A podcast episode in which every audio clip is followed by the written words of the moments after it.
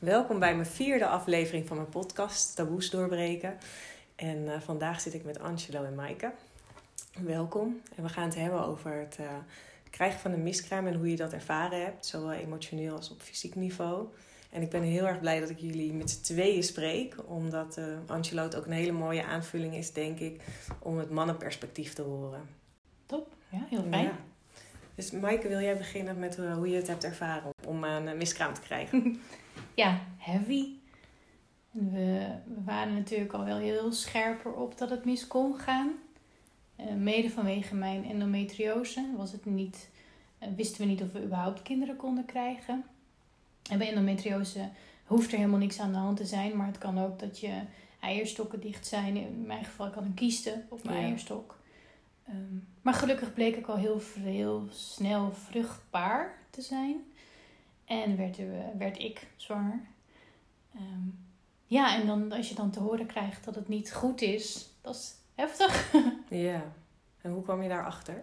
Uh, wij hadden de eerste echo in het ziekenhuis, omdat ik dus endometriose heb en dus medisch ben, uh, met uh, zeven weken. Mm -hmm. En de echoscopiste was heel vaag in haar verhaal. Ze zag wel dat het niet goed was, maar ze hield nog een, ja, een soort slag om de arm of iets. Dus ja. ze zei van kom uh, volgende week nog eens terug. Ja, en toen gingen wij eigenlijk met z'n tweetjes naar huis. Uh, toen van ja, dit is waarschijnlijk niet goed. En dat bleek. Uh, nou, dat werd nog. We moesten, we kwamen dus een week later, kwamen we weer in het ziekenhuis voor een vervolgecho. En toen uh, vond ze in plaats van één vruchtje, vond de gynaecoloog twee vruchtjes. Uh, omdat ze er twee vond, wilde ze, ja, hield ze nog even een slag om de arm. Dit kan een, uh, een hele prille tweelingzwangerschap zijn. Dus ze zegt, het ziet er niet goed uit. Ze zegt, mm. hou rekening met slecht nieuws. maar het zou ook maar een hele vroege tweelingzwangerschap kunnen zijn. Dus het advies was om weer een week later terug te komen. Wat ging er door je heen? Ja, dat is heftig, want je hoopt, je wilt hoop houden ergens. Um, maar je wilt ook realistisch zijn.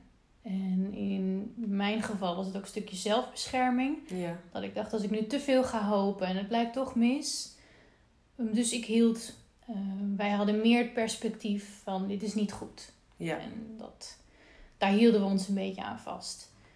En dus toen we voor die derde echo kwamen en dat bevestigd werd, was dat voor mij ergens ook wel een opluchting. Ja. Dat ik niet meer die hoop hoefde te houden. Ja, want die hoop bleef toch wel ook bestaan. Hè? Naast dat je jezelf misschien voorhoudt van Ja. het is niet goed. Ja, je wil heel graag dat Ja. het wel goed is. En als je dan tweeling hoort, dan is dat ook wel bijzonder om denk ik zo nieuws te krijgen. Van hé, hey, het zijn er misschien wel twee. En daarom duurt het misschien wel wat langer voordat je het ziet. Ja, ja. ja en wij waren dus voor het eerst zwanger, dus je weet ook precies niks. Nee. Dus je vertrouwt daarin volledig op het uh, advies en de kennis van de professionals. Ja. En hoe was dat voor jou, Angelo? En zolang ik mij kan herinneren, wilde ik al papa worden. Dus Ja. ik was altijd al gericht op kinderen willen krijgen. Wij praten daar eigenlijk ook al vanaf het begin van onze relatie over. Ja. We zaten, op een, we zaten al heel lang op één lijn met kinderen krijgen. En eh, eerst nog het een en ander op orde hebben voordat we er echt bewust aan beginnen. Maar ja, namen hebben we ook al een jaar of negen ongeveer. dus het zit er al een lange tijd aan te komen. Eh, ik heb lang ook met kinderen gewerkt. Ja. En dat bevestigt ook alleen maar hoe leuk het zou vinden om papa te worden. Op de basisschool, als er dan gevraagd werd, wat wil je dan worden als je later groot werd? Zeiden de meeste jongetjes profvoetballer en ik zei papa. Oh, echt? Ja. En toen we dan eenmaal begonnen, toen was het wel echt een strak regime. Dat was wel eventjes anders. het is heel anders om ineens Ja. seks te hebben met een bepaald doel, op een bepaalde dag, op een bepaalde tijd. Ook als je dan misschien een beetje heel erg moe bent of misschien niet helemaal zin hebt. Maar het is voor een groter doel. Precies. Dus je Ja. gaat ervoor. Ja. En dan lukt het. Toen waren we echt heel blij. Ik was heel erg blij dat het eh, gelukt was, maar ook een beetje voorzichtig. Mm. En op het moment dat we slechte nieuws kregen, toen merkte ik heel snel dat mijn zorgen, mijn verdriet voornamelijk gericht waren op Maaike. Ja. En mijn zorgen ook en minder op ons nog ongeboren kindje. Ja.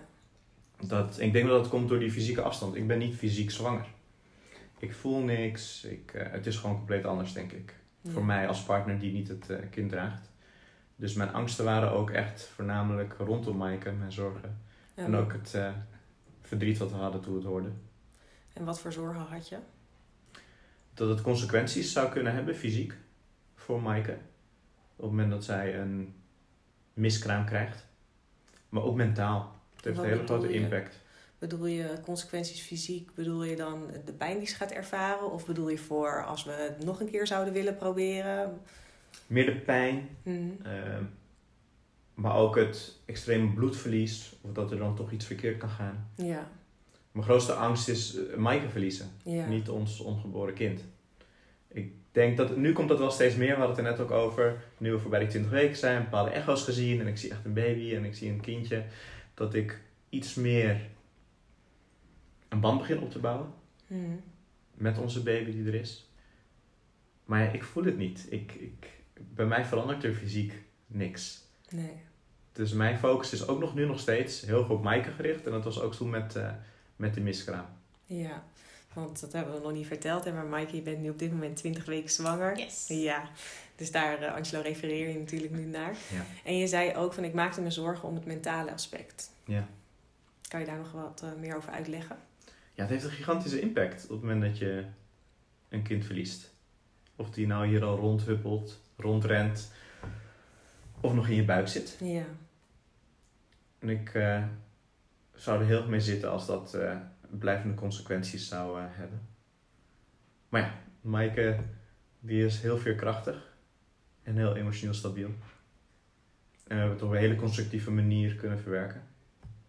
Eerste keer, tweede keer. Ik spreek dan meer voor mezelf natuurlijk dan voor Maaike, maar ik heb het Mhm. idee dat we daar wel op Ja. die manier om zijn gaan. Op onze eigen manieren. Maaike is meer van de symboliek. Ik niet. Maar ik praat graag. ja. En met Ja. wie heb je gepraat? Met wie niet? Ik heb ehm, meteen vanaf het begin heel open gesproken met mijn beste vriend, beste vriendin, kennissengroep, familie, moeder, broertje en op het werk. Eh, daar had ik ook elke ochtend mijn platform, de dagstart. En ik eh, moest daar wel goed over nadenken, ook met Mike een paar keer over gehad. De dagstart is het moment waarin ik mijn team toespreek, dingen afspraken maak en nieuws deel. Mhm. Eh, en toen besloot ik toch ook dat platform te gebruiken om hierover te hebben. Ja. En hoe was dat? Heel fijn. Ja. Ik vond het zo bevrijdend hoe erop gereageerd werd. Ook van mijn mannelijke collega's, die me later opzochten. En die zeiden, Angelo, ik heb dit ook meegemaakt. Oh, echt? Dit, dit is hoe het bij mij ging toen. Dit is Mhm. hoe het voor mij voelde. En dit is waar we nu zijn. En het perspectief, dat veranderde zoveel voor mij, dat ik ook weer met jou kon delen. Waarbij je je niet alleen voelt. En dat je echt het idee hebt, oké, weet je, dit gebeurt. Ja. En daar hebben we het ook vaak over gehad, Mike en ik. Dat we het steeds meer gingen zien als een kracht van de natuur, een, een, een signaal van de natuur. Van ja, dit was niet het kindje die gezond geboren kon worden. Ja. En dat is hoe dat gaat. Ja. Dan neem je er afscheid van. Want het was niet haalbaar. Ja. En hopelijk hebben we dan nu de kans dat het wel haalbaar is. Dat het wel goed gaat. En dat gaf denk ik, gaf denk ik ook wel het perspectief van, we gaan gewoon door. We gaan gewoon door met, eh, totdat het lukt. Ja. Dus eigenlijk doordat je het eh, vertelde ook op werk, gaf het voor jou ook eh, heel veel ruimte en ook aan anderen ruimte om het aan jou, met jou te delen.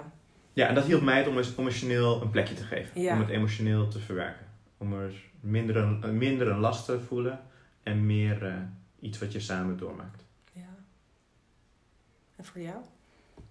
Ja, voor mij ook het delen. Ehm, in eerste instantie uiteraard met Angelo heel veel erover gesproken.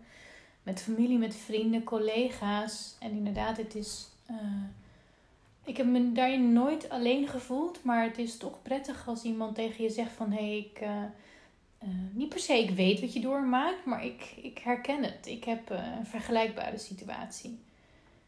En ik heb, ik heb in het verleden zelf me ook wel schuldig gemaakt, helaas, aan de uitspraak van: Goh, gelukkig dat het met zo weinig weken is. Mm.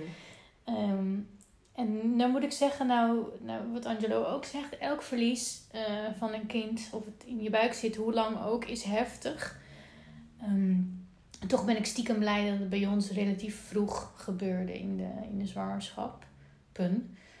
Ehm, maar inderdaad, door erover te delen, dan weet je van hé, hey, ik ben niet alleen die dit doormaakt. En eh, het is ook gewoon heftig en het mag heftig zijn. Ja. En hoe heb je het fysiek ervaren? Eh, wisselend. De eerste miskraam, ehm, omdat ik dus heel veel bloed verloor, zijn we naar het ziekenhuis gegaan. Ehm, dat vond ik wel heel fijn, want ik had het idee van, dan, ben je, dan ben je beide professionals. Dus eh, als, als ze dan misgaan, dan kunnen ze snel handelen. Ehm, nou, daar bleek al mijn waardes goed te zijn, maar ja, ik verloor dus heel veel bloed en geen stolsels. Dus toen hebben ze uh, getoucheerd en met een echo gekeken. En gek genoeg was mijn baarmoeder op dat moment al leeg. Mhm. eh, terwijl ik nog niks verloren had. En toen wij, eh, ja, we werden naar huis gestuurd. Zo van, hè, doe het rustig aan, maar hou het in de gaten. En bel als er iets is. Ja, en op het moment dat we met z'n tweetjes naar buiten liepen... toen kwam eigenlijk de miskraam in zijn volledigheid los. Ja. Eh, viel het op de grond. En dat was krankzinnig, bizar. En ik voelde me ook heel leeg meteen. Ehm, maar ik voelde me ook heel opgelucht. Dat ik dacht, dit is er nu uit. Want ik wilde ook niet meer zwanger zijn. Ja. Als je weet dat het niet goed is. Tenminste, dat was voor mij. En het, dat, ja, dus het voelde heel, heel ja, bizar genoeg, maar heel fijn dat het, dat het eruit was, grotendeels. Daarna had ik de dagen daarna nog wel bloedverlies, maar het was veel minder. En die tweede miskraam eh, had ik veel meer kopzorgen aan mijn hoofd, veel meer angsten. Dat ik dacht, ja jeetje, misschien doet deze wel heel veel pijn. Want ik moet zeggen dat ik weinig fysieke eh, pijn heb ervaren. Dus daar was ik angstig voor en ik was bang weer heel veel bloed te gaan verliezen. Dus ik vroeg of mijn ouders eh, deze kant uit wilden komen. Want in beide gevallen heb ik de miskraam dus met medicatie opgewekt. Dus dan weet je dat die eraan komt. Dan kun je Ja. dat enigszins timen. Wat heel raar klinkt. Maar dan weet je wat je kan verwachten. En de tweede keer kwamen mijn ouders. Mijn ouders zijn beide verpleegkundigen. Dus ik dacht, dat vind ik wel een fijn idee als die mij kunnen monitoren. Ehm, en daar had ik veel meer fysieke ongemak van. Ik had een soort van rugweeën, denk ik. Eh, wat ik heel raar vond. Ehm, want ik zag het niet als een bevalling. Dat was voor mij echt een heel, heel ander iets. Ehm, en die, eh, die miskraam kwam meer in de etappes. eh, rustig, los. Maar daar had ik dus inderdaad fysiek wel meer, meer pijn en meer krampen van. Ja, want toen het startte, heb je toen een paar uur lang heb je toen eh, bloeding gehad en stolselsverlies? Ja, in mijn herinnering kwam het volgens mij na twee uur na het indienen van de laatste medicatie kwam het op gang. En dat is ook gemiddeld. Eh, ja, en, die, en dat, bij die tweede inderdaad ging het heel geleidelijk. Dus dan ging ik in etappes, voelde ik dat het eraan kwam. Dus dan is het chasen naar het toilet. Ja, ja. Ja. Want dan denk je, oh, oh snel Ja, je rennen. voelt het. Je voelt het echt, hè? Ja. En dat was dus in het ziekenhuis, dus die eerste keer ook. En toen zei ik ook tegen Angelo, ik moet nu naar het toilet, want ik voel het. Ja. Maar we liepen in de centrale hal van het ziekenhuis en er was ja, niet een toilet in de buurt. En ik voelde het, eh, ja, het bloed eh, voelde ik ook langs mijn benen glijden. En ja, en dan ineens, dan ligt het daar op de grond, dan is het daar. Was je niet ook heel erg geschrokken? Van wow. Ehm, ja, en dat had er meer mee te maken met de hoeveelheid. Want het was zoveel wat in één keer loskwam, dat Mhm. ik eh, in heel even dacht: is dit mijn baarmoeder die nu in zijn hoeveelheid eh, mijn lichaam verlaat? Ja. Ja, dus een eerste miskraam. Je hebt ook geen idee natuurlijk wat je, wat je aantreft. Nee. Behalve dat je, er wordt verteld dat het heel heftig is. Ehm, eh, niet te vergelijken met een menstruatie. Dus dat, ja, die, die, en ik, had, ik moest heel erg denken, en ik denk dat het voor jou ook gold. eh, omdat het in de hal gebeurde, Mhm. er waren ook andere mensen. Ja. En die wisten niet dat wij een miskraam konden verwachten. Wij wel. Dus voor ons was dit eh, in lijn der verwachting, om het zo maar even te zeggen. Maar voor die mensen niet. Ja, maar het leek niet alsof ze het heel erg vonden hoor. Nee? Nee, die ging gewoon lekker door met alles wat ze aan het doen waren. Ik stond daar nog van, oké, jullie zien wat er gebeurt, wie gaat mij nu helpen? Ja. Ik begon echt met eh oogcontact zoeken met medewerkers. Ja. Dat was moeilijk te vinden, behalve degene die achter de balie stonden. En begrijp ik, dat is geen medisch personeel. Toen dacht ik, nou misschien iemand die gewoon überhaupt ziet wat er gebeurt en ons misschien wil vragen, gaat het? Ja. Nee, helemaal niet. Nee? Nee, dus toen moesten we echt overgaan. Maaike deed het heel snel op gewoon gaan handelen. Maaike zei gewoon van, jij blijft hier, jij ruimt het op. Ik zei, ja, dat ging ik ook doen. En eh Maaike meteen door naar eh, het toilet volgens mij. Of je Ja. ging naar naartoe, maar toen werd je wel onderschept door medisch personeel. Toen zag wel iemand van, oké, hier is wat aan de hand. En die ging meteen naar jou. Ja, ik heb ze geroepen. Ik zag twee dames in een witte jas. Ik denk, een van de twee gaat mij nu naar, helpen naar het Ja. toilet. En zo is het ook gegaan. En zij zei, moet ik met je mee? Dus ik dacht, ik was eigenlijk alleen maar bezig met haar gerust te stellen. Mm. Door te zeggen van, ik heb een miskraam nu gehad en dat is gepland. En ik ben oké, ik voel me goed. Maar ik voel wel dat ik nu naar het toilet moet en dat er meer komt. Ja. Dus zij vroeg ook, eh, het was denk ik een verpleegkundige, ik weet het niet. En zij zei, moet ik met je mee naar het toilet? Ik, nee, nee, dat hoeft niet. Eh, ik ben oké, Ja. Eh, thanks. dus ja, je kon bij mij op het toilet kwam er dus nog een stukje. Ik denk dus de, de vruchtzak. Ja. Dat heb ik een beetje kunnen bestuderen. Dat vond ik zelf heel erg interessant om te kijken hoe dat eruit zag. Eh, maar ik had niet heel veel tijd, want ik verloor nog steeds heel veel bloed. En ik wilde niet eh, dat dat hele toilet eh, vies zou worden. Ja, het is raar waar je allemaal mee bezig bent. Ja, aan de ene kant ben je met jezelf bezig. En aan de andere kant ben je met de omgeving bezig. Geruststellen. Ik ben hier Heel niet thuis. sterk. Ziekenhuis. Moet schoon blijven. ja. Ja, vooral niet eh, tot last Mhm. zijn. Ja. En eh, ja, op een gegeven moment, ik had mezelf dan weer een beetje opgekalefaterd. En Angelo kwam toen het toilet binnen. Ja, en eigenlijk, ik herinner me dat we elkaar aankeken. En dat we eigenlijk ook zoiets hadden van, wat is hier gebeurd? Ja. Wat is dit voor... Krankzinnig dat dit nu ons zo op deze manier... Overkomt. Wauw. Ja, het was heel, het is maar Kafkaesk, heel surrealistisch. Heel erg van, ja, het is gebeurd. Ja. Maar echt waar, we glad ook. Die kan alleen ons overkomen. Wat is dit? Nou, Zo'n zo tip aan iedereen, draag geen jurkje op dat soort momenten. Nee, ja, of misschien juist wel, weet Want ik dat was, nee, dat was... Zou je geen jurk hebben gedragen, hadden we meer tijd gehad, hadden we Ja. beter kunnen handelen. Het was onmogelijk voor jou om iets anders te doen op Dat dat klopt. moment. Dat klopt. En dat maakte het heel moeilijk. Toen we naar buiten liepen, was er wel één vrouw. Die had het dus gezien. Die had ik niet in mijn vizier. Mhm. En die vroeg of we oké waren. Ja. Dus er was één persoon die dat vroeg. Ja. Dat wel. Zo, dat is opmerkelijk hè? Ja. Dat dus mensen het zien, maar verder niet handelen. Nee. Ja. Hey, en je Ja. zei ook nog eventjes van ik was bang dat mijn baarmoeder eruit lag.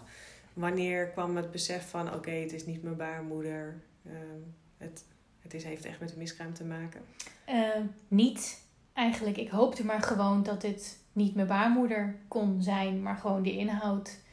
En ik had voor mezelf maar bedacht, omdat het een, een tweelingzwangerschap was, dat het misschien ook wel gewoon meer is dan één vruchtje.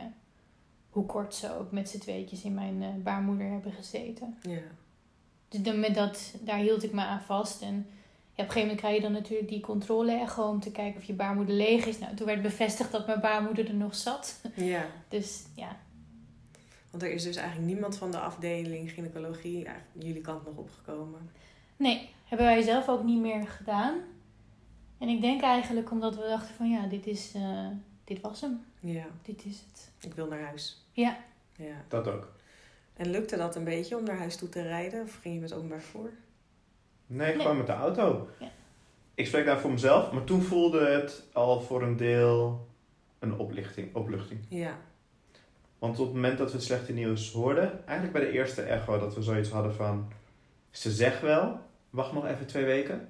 Maar ik had al zoiets van, nee, dit is echt om het te rekken. Dit is echt om geen slecht nieuwsgesprek te doen. Hmm. Dit is echt zodat zij het slechte nieuws niet hoeft te brengen. Ja. Het voelde gewoon niet goed. En ik denk ook dat we dat allebei wisten. We hebben allebei een traantje gelaten. Jij wist het ook al volgens mij. Het is slecht, maar je had een klein beetje hoop. Ja. en ik meer dan jij, denk ik. Ik hield op dat moment weinig hoop. Ik wist gewoon, en ik weet dat ik toen gezegd heb, het is niet goed. Ja. Dat, dat, kwam, dat, dat, dat straalde die vrouw zo erg uit. Waarom zei ze het niet? Dat was het enige waar ik wel echt boos om was. En ik werd alleen maar bozer om hoe meer ik leerde en hoe meer ik inzag. Het was zo duidelijk dat het niet goed was bij die eerste echo. ja. Had het ons alsjeblieft verteld. Heb je dat nog teruggegeven? Nee, ik heb wel, eh, want toen ik voor de tweede keer bij de zwangerschap kwam ik weer bij haar. Oké. Dacht ik, Ik hoor al aan de intonatie. Ja. ja, ik dacht, Liever niet. oh jeetje. Ja. Eh, maar toen heb ik meteen aangegeven van joh, eh, we hebben elkaar al een keer ontmoet. Eh, dat was toen niet zo fijn. Ja. En ze herkende me niet, wat ik begrijp. En ik vertelde wat ik dus vervelend vond, dat ze niet alle informatie gaf. Hmm. En eigenlijk was ze zich alleen maar aan het verdedigen. En toen dacht ik, oké, jij kan nu niet naar mijn emotie luisteren. Dat is oké, dan is dit gewoon een hele zakelijke transitie waarbij je gaat kijken naar mijn tweede zwangerschap. Ja. En vanwege de coronaperiode mocht jij niet mee, Angelo? Ja, hè? Nee, toen was ik niet eh, erbij, dat weet ik nog. Maar ik weet nog dat jij vertelde dat je het er wel had teruggegeven dat het echt geen fijne ervaring was. Ja. Ja. En dan niet specifiek wat en hoe. Maar wel gewoon dat de manier van communiceren niet fijn was. Wel jammer dat dat dan niet eh, wordt aangenomen, hè?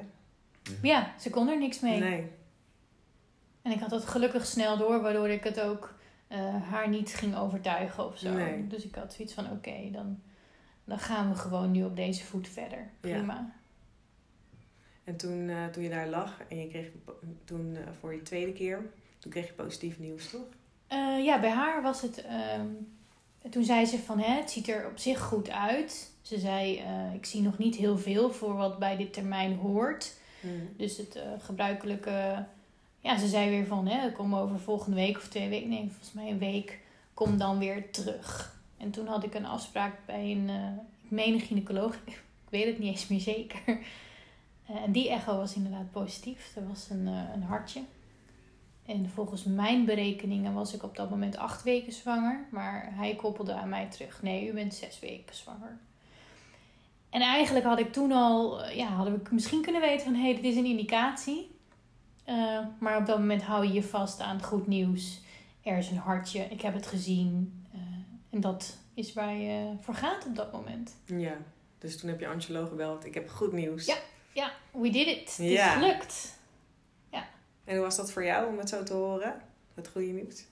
Ik ben de hele periode voorzichtig gebleven. Ja? Dus zelfbeschermend. Heel compartmentaliserend. Van oké, dit stukje is goed. Zeg niks over morgen, niks over volgende week, niks over hoe ver we komen. Dus ik liet wat blijdschap toe, maar heel erg, eh, nog heel erg beschermend. Ja. Heel erg begrensd nog. En hoe was het voor jou om niet mee te kunnen naar de echo? Ik vond het echt verschrikkelijk. Ik vond het zo vervelend. Ja. Ik wilde eigenlijk bij alles, waar het meerwaarde kan hebben natuurlijk, Mm. bij zijn. Er zijn Ja. ook afspraken geweest met eh, een verpleegkundige over dieet en dergelijke. Nou, daar hoef ik niet bij te zijn. Ja. Maar als het een echo is en je krijgt of goed nieuws of slecht nieuws of je ziet dingen, ja, daar wil ik gewoon elke keer bij zijn. Ja. Dus het is ook niet wel frustrerend. Ja, gewoon heel vervelend. Ja. Nou ja, en toen eh, hè, was je dus iets minder ver dan je zelf dacht. Ja. Ehm, daarna kreeg je weer een echo. En eh, toen werd heel snel duidelijk dat het niet goed was. En ik kon dat ook al zien. Ehm, en de, de gynaecoloog was weer een ander, wat ik niet erg vond. Eh, die wilde ook een buikecho doen. En ik was inwendige echo's gewend, omdat het Mm. nog zo vroeg was. En toen zag ze niks. Ehm, en toen zei ze, nou, we gaan toch inwendig doen. En toen dacht ik, ja, zie je wel. Dat wilde ik ook al doen, maar goed. En toen ging ze inwendig kijken en toen zag ik meteen datzelfde beeld als eh, een week daarvoor, of twee weken daarvoor. En eh, toen zei ze ook van, eh, het spijt me, het is niet, eh, het is niet goed. Het hartje is gestopt. En ja, en dan valt de wereld onder je voeten vandaan. Ja. En dan ben je alleen in het ziekenhuis, Ja, inderdaad. verschrikkelijk. En dat, ja, en dat terwijl ik daarvoor het consult met een verpleegkundige had. Die me vertelde dat ik wel verder vooruit mocht kijken nu naar de toekomst. En mocht gaan oriënteren op kraamzorg en dat soort dingen. En dan een paar minuten later dan eh, zegt de gynaecoloog van nee, het is niet, eh, Nee. het is niet goed. We gaan weer eh, je voorbereiden op een miskraam. Ja, dat is heavy. Ja, wat voelde je op dat moment? heel veel ongeloof, hartpijn, om dat zo maar even uit te drukken. Hmm. Ehm, van hoe kan het dat het nu weer misgaat? Ehm, ik herinner me, ik weet ook niet op welk moment dat was, maar ik begon ook een beetje mijn lichaam in twijfel te trekken. Komt dit door de endometriose? Kan ik überhaupt wel zwanger worden? En dat had denk ik mede ook te maken omdat dat gesprek met de gynaecoloog, die zei van ja, weet je, die jullie hebben of brute pech, Ja. dat het gewoon twee keer kort achter elkaar misgaat. Of er is meer aan de hand. En ze zei van dan kun je nadenken over onderzoek naar je schildklier en uh, chromosoomafwijkingen. en toen dacht ik ja, want het lijkt er bij ons dus in die eerste paar weken mis te gaan. Dat Ja. het daar dus die ontwikkeling van het eh, vruchtje dat dat stopt. Eh, ja, en wij hadden eigenlijk toen ik thuis kwam en het Angelo vertelde. Eh, er is heel, natuurlijk is de eerste plek is er plaats voor rouw. En vrij snel probeerden we toch ook weer vooruit te kijken. En waren we optimistisch zo van dit gaat ons een keer lukken, vroeg of laat. Ja, want we kunnen zwanger worden. Ja. Dat lukt. Dus het moet gewoon ook wel goed komen. Ja, dus wij waren. ik- Ik heb nog heel even nagedacht, moeten we die onderzoeken doen? Mhm. Ik heb dat ook eh, uitvoerig met Angelo besproken. En wij zijn allebei ook wel eh, fan van data. Ja, Dus, hè, dus het is, ja, het, het kan gewoon vaak voorkomen, een miskraam. Het hoeft nog geen indicator te zijn voordat er grotere dingen mis zijn. Dus wij hadden ons voorgenomen van, weet je, we proberen het gewoon nog een keer. Gaat het daarna nog één of twee keer mis, dan kunnen we altijd ons beroepen op die onderzoeker. ja, En gelukkig was dat niet nodig. nee. En even terug eh, naar het ziekenhuis, hè, want je krijgt dan slecht nieuws meegedeeld. Eh, maar Ja. Angelo is er natuurlijk weer niet bij. En dan moet je dus weer naar huis, alleen. Ehm, ik weet niet, heb je hem eerst gebeld of dacht je, ik wacht tot ik thuis ben? Eh, ik heb volgens mij een, een berichtje gestuurd. Kunnen we even bellen?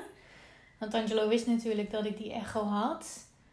En jij zat in een overleg. Ik was op het werk. Ja, jij zat in een vergadering geloof ik. Dus ik, ik kreeg een appje terug. eh, Zo'n standaard bericht. Ik zit in vergadering. Ja, Dus ik sms'te terug. Het is niet goed. Ik heb je nodig. ja, En toen belde je meteen. Ja. En dat was volgens mij voordat ik terug naar huis reed. Ja, en dat is heel... eh, Ja, het liefste wil je dan meteen samen zijn.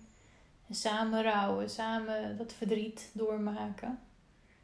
Ehm, tegelijkertijd zijn we ook weer achterlijk praktisch. Ook op zo'n moment dat jij zei, moet ik naar huis toe komen? Zei ik, nee, hoeft niet. Ik zie je, ik zie je wel als de werkdag klaar is. En dan kunnen we samen rouwen. ja.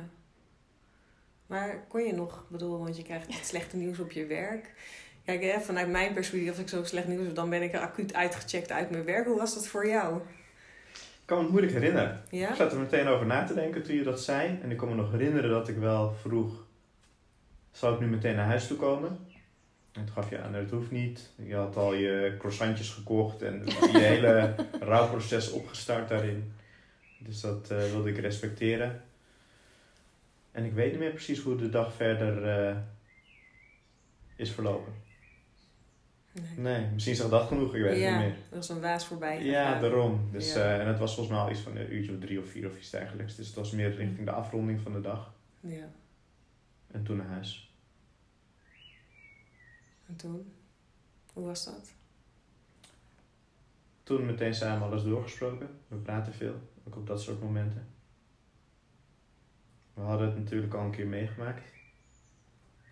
Dus daarvan hebben we kunnen leren. Ja, Ja, Maaike is de baas eigenlijk, dus ik heb haar alles gewoon gevraagd. Wat wil je nu doen?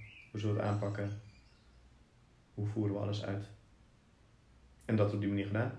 Jij wilde volgens mij zo snel mogelijk de medicatie, zo snel mogelijk dat afronden. Daar stond ik ook helemaal achter. ja, We weten nu dat het niet goed is. Geen enkele meerwaarde om dingen uit te stellen. nee. Hey, en dan, eh Maaike, je had al verteld hè, dat je dan pillen had genomen. Ehm, je ouders eh, zouden ook komen. Ja. Dus die waren er ook op een gegeven moment. Ehm, je vertelde dat je rugwee kreeg. Of is dat denk je, dat het daarop Ja. leek? Samentrekkingen heb je gevoeld. Ehm, hoe was het voor jou, Angelo, om dat te aanschouwen? Ik was heel blij dat mijn schoonouders er waren. Ja?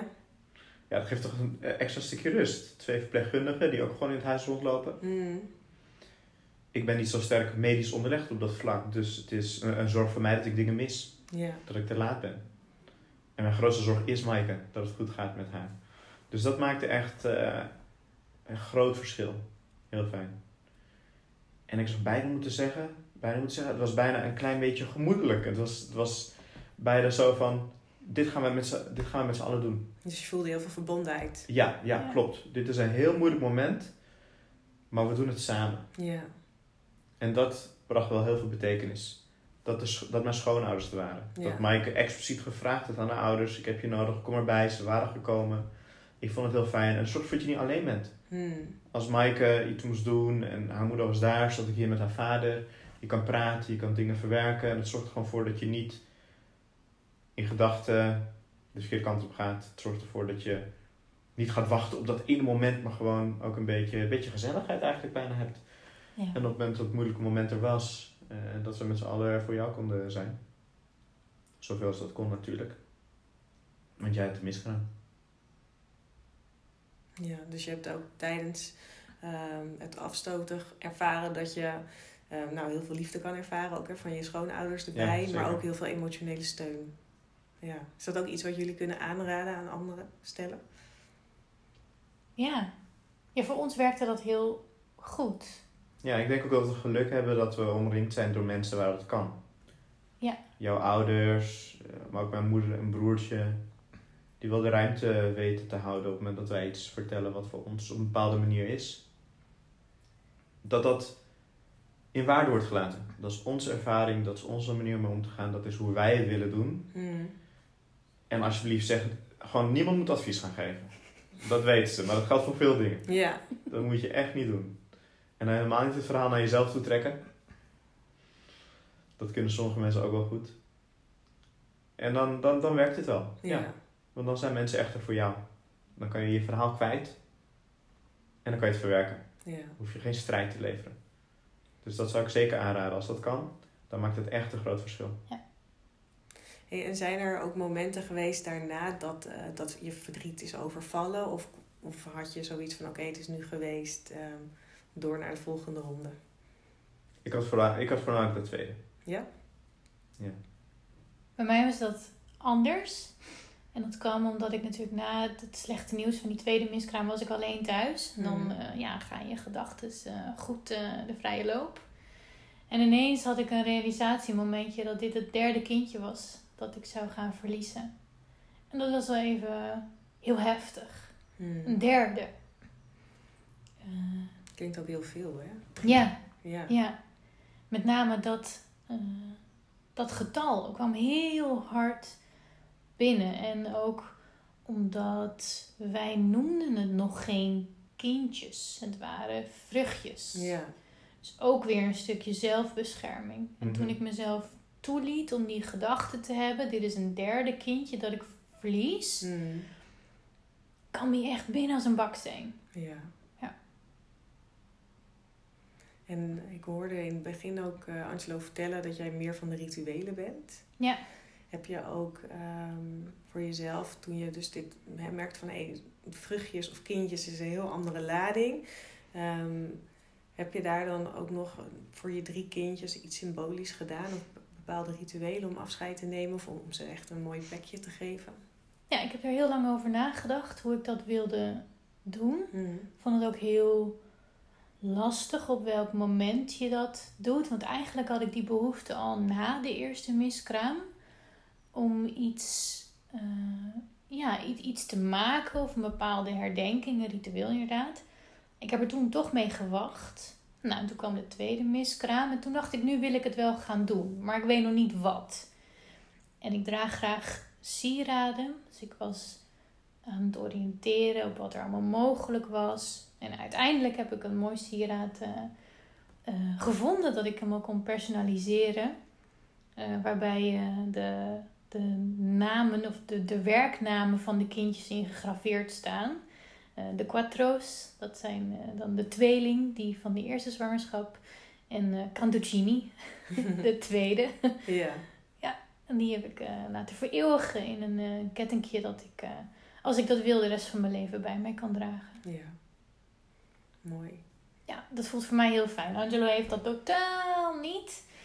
Eh, maar voor mij voelt dat heel mooi en symbolisch om op die manier eh, de, ja, onze, onze kindjes, om het maar even kindjes te noemen, om die toch eh, bij me te houden, fysiek. Ja. Naast dat ze in mijn hart zitten. Ook fysiek, in een, op een ketting, in Ja, het is tastbaar, dus je kan er Ja. naar kijken, je kan het voelen. Exact. Ik zag je er net ook even aan zitten. Ja. Ja. Ik hoor net, eh, dus jij hebt dat totaal niet. Maar ik heb je wel veel horen zeggen van ik vind het praten erover heel erg fijn. Ehm, ja, waar praat je dan precies over? Wat we hebben meegemaakt, Mhm. hoe ik me daarbij voelde, of wij. En eventueel de zorgen die ik daarin had. Ja. En op het moment dat iemand echt luistert, maakt dat een groot verschil. Maar wat ook een verschil maakte, en dan voornamelijk op mijn werk, waar ik toen, eh, toen werkzaam was, de verhalen van herkenning. Dat bracht zoveel perspectief en rust. Dus dat maakte een verschil. Dat ik mijn verhaal kon doen, maar dat het ook een soort van bevestigd werd. Dat het Ja. eh, universeler is dan het eigenlijk lijkt. Maar daar kom je pas achter. En dat was voor mij ook wel echt een, eh, een eye-opener. Ik leerde die dingen pas van mijn collega's toen ik het gesprek erover begon. Toen ik het platform opende en opengooide van ja, hier, hier praat ik over, hier praten wij over. Hmm. En toen werd het een gespreksonderwerp. heel veel van geleerd ook toen. Ook heel erg van mijn collega's toen. En ik zit gelijk te denken van... ehm, als je nou anderen wat zou willen meegeven... van wat zou prettig zijn geweest voor jullie om het onderwerp ehm, aan te snijden? Ik denk voor ons persoonlijk, maar dat komt omdat we het wel fijn vinden om over dingen te praten. Praten Mhm. is voor ons onderdeel van het werkingsproces. Voor ons helpt het, voornamelijk voor mij, als mensen naar vragen. Dat helpt. Maar hoe? Want sommige mensen zijn daar op zoek naar. Hè? Ehm, misschien heb je het zelf ook ervaren dat ze daardoor een opmerking maken die misschien niet zo lekker binnen kan komen. Ja. Net zoals Mike zegt, van, gelukkig was je nog niet zo ver. Ja. Of nou, weet je, want anders was het toch gehandicapt kind geworden. Of eh, ja, eh, nou ja, het was nog geen kindje, maar vruchtje. Dus ja, ik weet niet zo goed waar je dan druk om maakt. Nou, er zijn van allerlei soorten scenario's die mensen kunnen Ja. zeggen. Dus soms is het ook heel fijn om te horen van, maar wat kan je dan wel zeggen? Ja. Nou ja, het is een hele belangrijke vraag. Maar al die punten die je net noemde, op het moment dat je die dingen zegt, luister je niet. Het is echt, luister eens met een vraag.